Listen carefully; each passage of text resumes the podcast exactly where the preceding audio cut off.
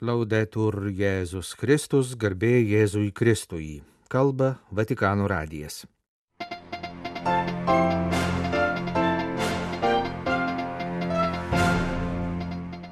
Penktadienio rytą popiežius Pranciškus priėmė Katalikiškų universitetų federacijos delegaciją. Popiežiaus audiencija prieš 60 metų Italijoje įvykusios užtvankos katastrofos aukų artimiesiems audiencija Suomijos ekumeniniai delegacijai. Penktadienį atskirose audiencijose popiežius taip pat priėmė Kazakstano ir Kolumbijos prezidentus. Jėzus neliepia savo mokiniams būti vieningiems, bet meldžiasi už vienybę, sako dikasterijos krikščionių vienybei skatinti prefektas kardinolas Kurtas Kochas maldos savaitės už krikščionių vienybę progą duotame interviu. Sausio 19 dienos rytą popiežius Pranciškus prieėmė Katalikų universitetų federacijos švenčiančios šimtmetį delegaciją. Žodžiu padėkoju už jos vizitą, už katalikiškų universitetų tarnavimą mokslui, Dievo žodžiui ir humanizmui, kuris nėra konfesinis, bet universalus. Tai ten gražiai ir svarbi universitetų misija. Popiežius delegacijai įteikė savo anksčiau parengtas pastabas atsiprašęs, kad dėl peršalimo jų pats negali perskaityti. Patikime kelių minčių apžvalgą. Šiuo metu, kai netugdymas dėja tampa verslu, o dideli beveidžiai ekonominiai fondai investuoja į mokyklas ir universitetus taip kaip į biržą, bažnyčios institucijos turi rodyti, kad jos yra kitokio pobūdžio ir veikia pagal kitokią logiką. Švietimo ir ūkdymo uždavinys ne tik tobulos mokymo programos, gera įranga ar gera verslo vadyba. Universitete turi pulsuoti didelė aistra vykti bendros tiesos ir prasmės horizonto paieškos. Pažinimo bendruomenėje, kur ranka būtų galima prisiliesti prie meilės dusnumo. Svarsto popiežius Pranciškus. Šventasis tėvas savo audiencijos dalyviams linkėjo labai didelio apetito Tokio apetito, apie kurį kalbėjo filosofė Hanna Arendt, tyrinėjusi Šventojo Augustino meilės sampratą. Apetito kaip troškimo, siekimo, polinkio. Taip pat, kad šio apetito nepakeistų ir neužgoštų biurokratija. Nepakanka akademinių laipsnių, būtina žadinti ir maitinti troškimą būti. Nepakanka konkurencingų karjerų, reikia atrasti pašaukimus, autentiškus gyvenimo kelius ir būdus prisidėti prie bendruomenių gyvenimo. Be abejo, reikia galvoti apie dirbtinį intelektą, bet taip pat negalima pamiršti ir dvasinio intelekto, be kurio žmogus pats savo tampa svetimu. Universitetas yra pernelik svarbus, kad apsiribotų tik savo laiko dvasia, nusigręždamas nuo didžiųjų žmogaus poreikių ir jaunuolių svajonių. Pranciškus primena ir prieš šimtą metų mirusio Franco Kafkos pasaka apie pelę, kuri išsigandusi gyvenimo platybės bando komfortiškai gyventi tarp dviejų sienų. Bet vieną dieną pastebi, jog sienos artėja viena prie kitos ir gali ją suspausti, tad pradeda bėgti į vieną pusę, bet pamato pastus. O katinas pataria pakeisti kryptį. Pelė taip ir padaro, bet tik tam, kad taptų katino grobiu. Negalime savo universitetų valdymo atiduoti baimiai Deja, tai būna dažniau neįmanome. Pagunda užsidaryti tarp sienų, saugiame socialinėme burbule, vengiant rizikos ar kultūrinių iššūkių, atsakant nugarą tikrovės sudėtingumai, gali atrodyti patikimiausias kelias. Bet tai iliuzija. Baime praryja sielą. Niekada neapjuoskite universiteto baimės sienomis.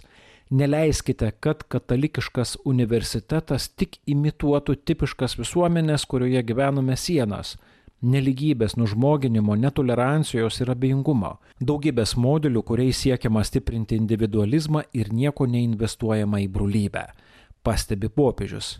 Taip, pasak jo, gali būti, kad ir sienomis apsitvėręs universitetas gali tapti prestižiniu bei duoti puikių akademinių rezultatų. Bet, kaip yra pasakęs mąstytojas Miguelis de Unamuno, pažinimas dėl pažinimo nėra žmogiškas. Kam tarnauja pažinimas?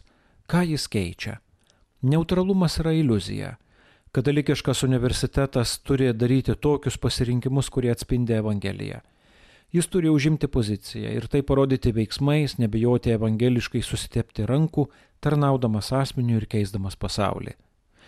Savo pastabas popiežius Pranciškus užbaigia svarbių prašymų, kuris yra skiriamas visam katalikiškam akademiniam pasauliui. Prašau jūsų padėti bažnyčiai dabartiniu istorijos momentu, nušviesti giliausius žmogaus siekius pažinimu ir vilties motyvais. Padėti bažnyčiai be baimės vesti dialogą didžiaisiais šiuolaikiniais klausimais. Padėkite mums kultūriškai išversti krikščioniško įkvėpimo turtus naujoms kartoms ir naujiems laikams atvira kalba, nustatyti naujas mąstymo, mokslo bei technikos ribas ir gyventi juose subalansuotai bei išmintingai.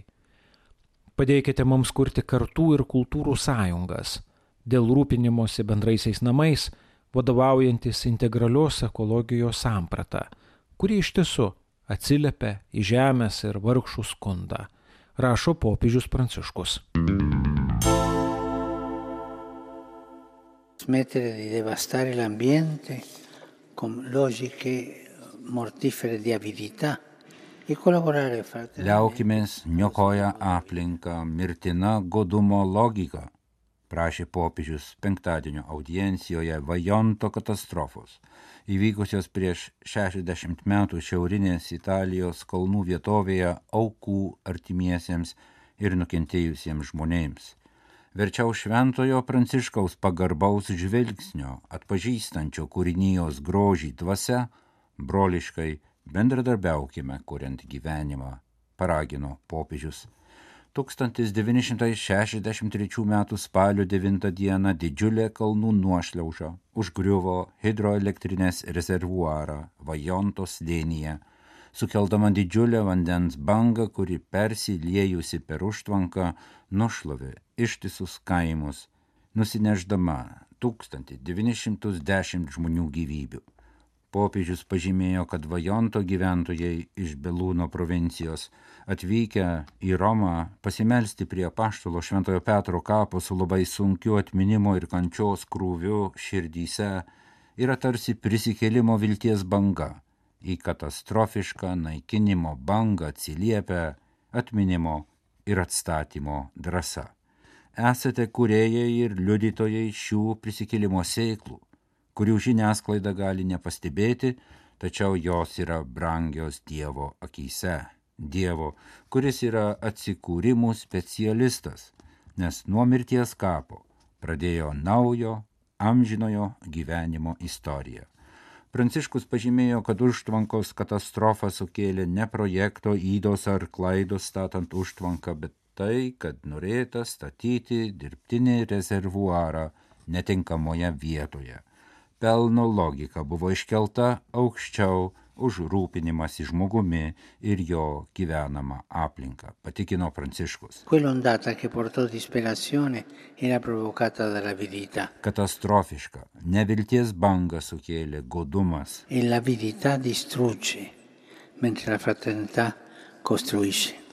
Godumas greuna, o brolybė kuria, pridūrė popiežius. Anot jo tai neapsakomai aktualu. Aplinkos apsauga nėra paprastas ekologinis reiškinys, o antropologinis klausimas.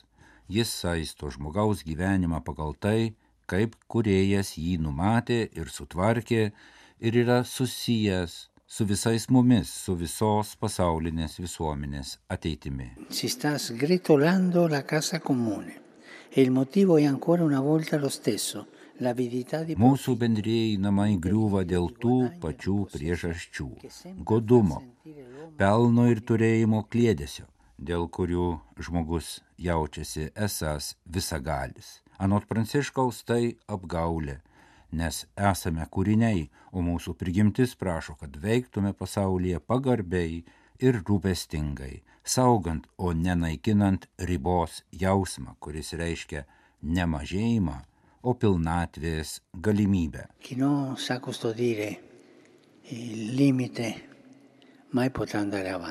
Kas nesugeba saugoti ribų, tas niekad negalės žengti į priekį, pridūrė popiežius. Penktadienio sausio 19 rytą įvyko kasmetinis popiežiaus susitikimas su Suomijos ekumeninė delegacija, atvykusią į Romą Suomijos globėjo Šventojo Henriko šventės proga. Anglijoje XI amžiaus pabaigoje gimęs misionierius Henrikas XII amžiaus viduryje buvo paskirtas Švedijos Upsalos vyskupu ir mirė kankinio mirtimi 1156 m. sausio 20 d. skelbdamas Kristų dabartinės Suomijos teritorijoje. Kankinio Suomių evangelizuotojo liturginis minėjimas švenčiamas maldos savaitės už krikščionių vienybę pradžioje. Į Romą kasmet atvyksta ekumeninė delegacija, kurią sudaro Suomijos liuteronų, katalikų ir ortodoksų atstovai. Šiemet pirmą kartą šią progą atvyko prieš keturis mėnesius paskirtas naujasis Helsinkio katalikų vyskupas Raimo Gojarola Belda. Būdami pakrikštytųjų bendruomenės nariai mes esame kelionėje, kurios tikslas yra Jėzus Kristus, sakė popiežius Suomijos bažnyčių atstovams. Mūsų tikslas nėra nei tolimas, nei nepasiekiamas, nes pats viešpats išėjo mūsų pasitikti. Įsikūnydamas, jis tapo mums artimas, Jis pats yra kelias, kad galėtume saugiai eiti ir nepasiklysti pasaulio kryškelėse. Pasak Pranciškaus, labai svarbus pagalbininkai šioje tikinčiųjų kelionėje yra šventieji, kurie jau užbaigė žemės kelionę ir pasiekė tikslą. Dabar jie mus lydi kaip Kristaus, mūsų kelio, tiesos ir gyvenimo liudytojai. Jie padeda nenuklysti nuo viešpaties mokinių kelio, ypač tada, kai mums sunku, kai parkrentame. Popiežius priminė, kad požiūris į šventuosius dar neseniai buvo krikščionių susipriešinimo priežastis. Vienaip jų vaidmenį suvokė katalikai ir ortodoksai, kitaip liuteronai. Tačiau taip neturėtų būti. Šventųjų kultas yra neatskiriama katalikų ir ortodoksų liturgijos dalis, o ir liuteroniškajame Augsburgo tikėjimo išpažinime teigiama, jog šventuosius reikia prisiminti, kad sustiprintume savo tikėjimą ir galėtume imti pavyzdį iš jų gerų darbų.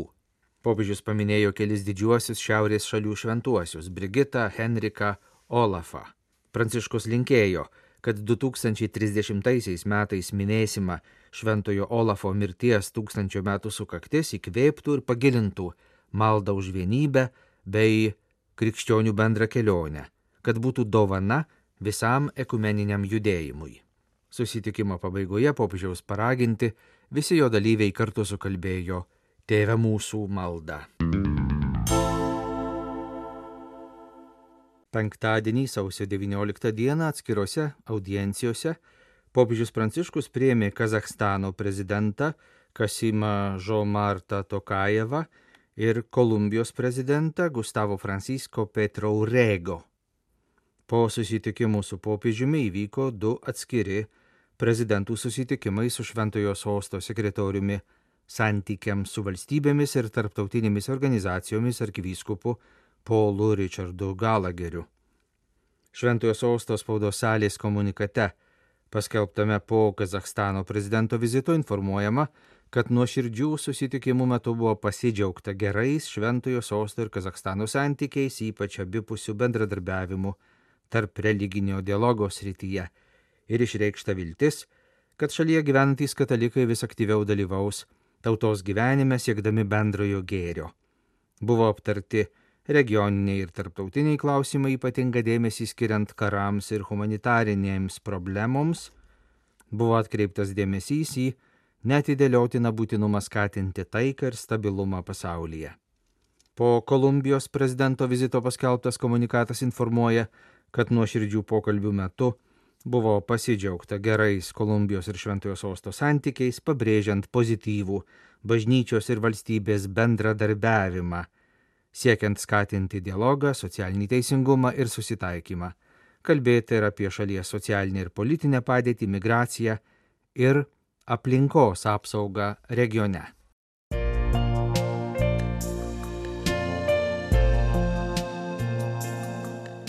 Jūs klausotės Vatikano radio. Tęsėme žinių laidą lietuvių kalba.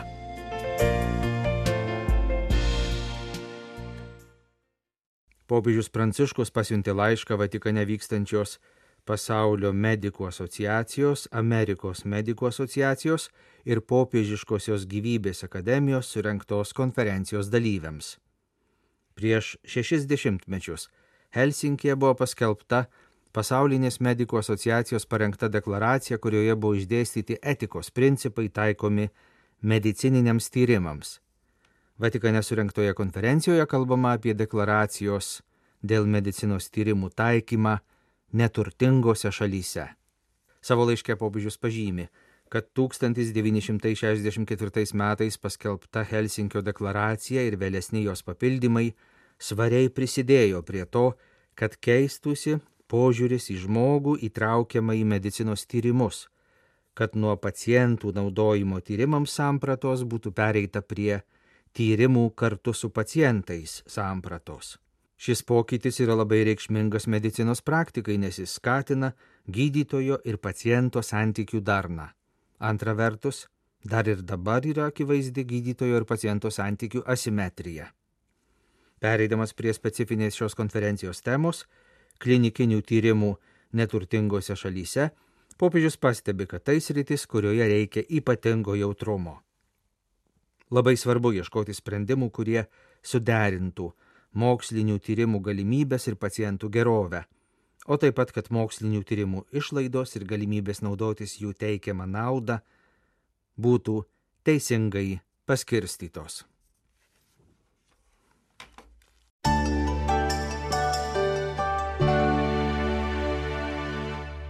Jėzus neliepia savo mokiniams būti vieningiems, bet meldžiasi už vienybę. Sakė, ekumeninį dialogą visos bažnyčios mastu kūruojančios Šventojo Sosto dikasterijos krikščionių vienybei skatinti prefektas kardinolas Kurtas Kochas. Sausio 18-25 dienomis minimos maldos savaitės už krikščionių vienybę progą davęs interviu Vatikano radijui, kardinolas priminė, kad ekumenizme skiriamos dvi formos - meilės ekumenizmas ir tiesos ekumenizmas. Tiesos ekumenizmas tai teologinis problemų, dėl kurių bažnyčioje kilo susiskaldimas, tyrinėjimas ir siekimas jas pašalinti.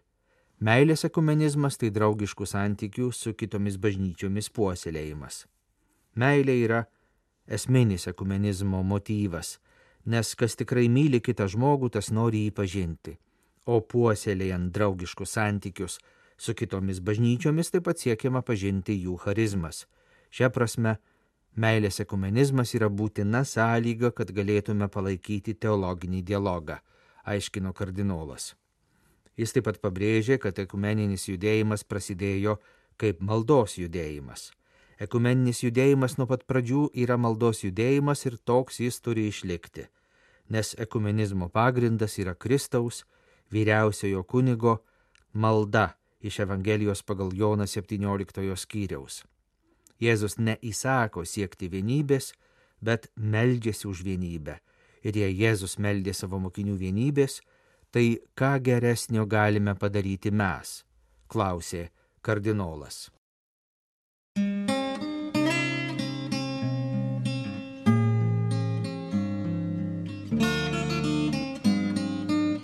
Kalba Vatikano radijas. Laidą lietuvių kalba baigėme. Garbėjai Jėzui Kristui, laudetur Jėzus Kristus.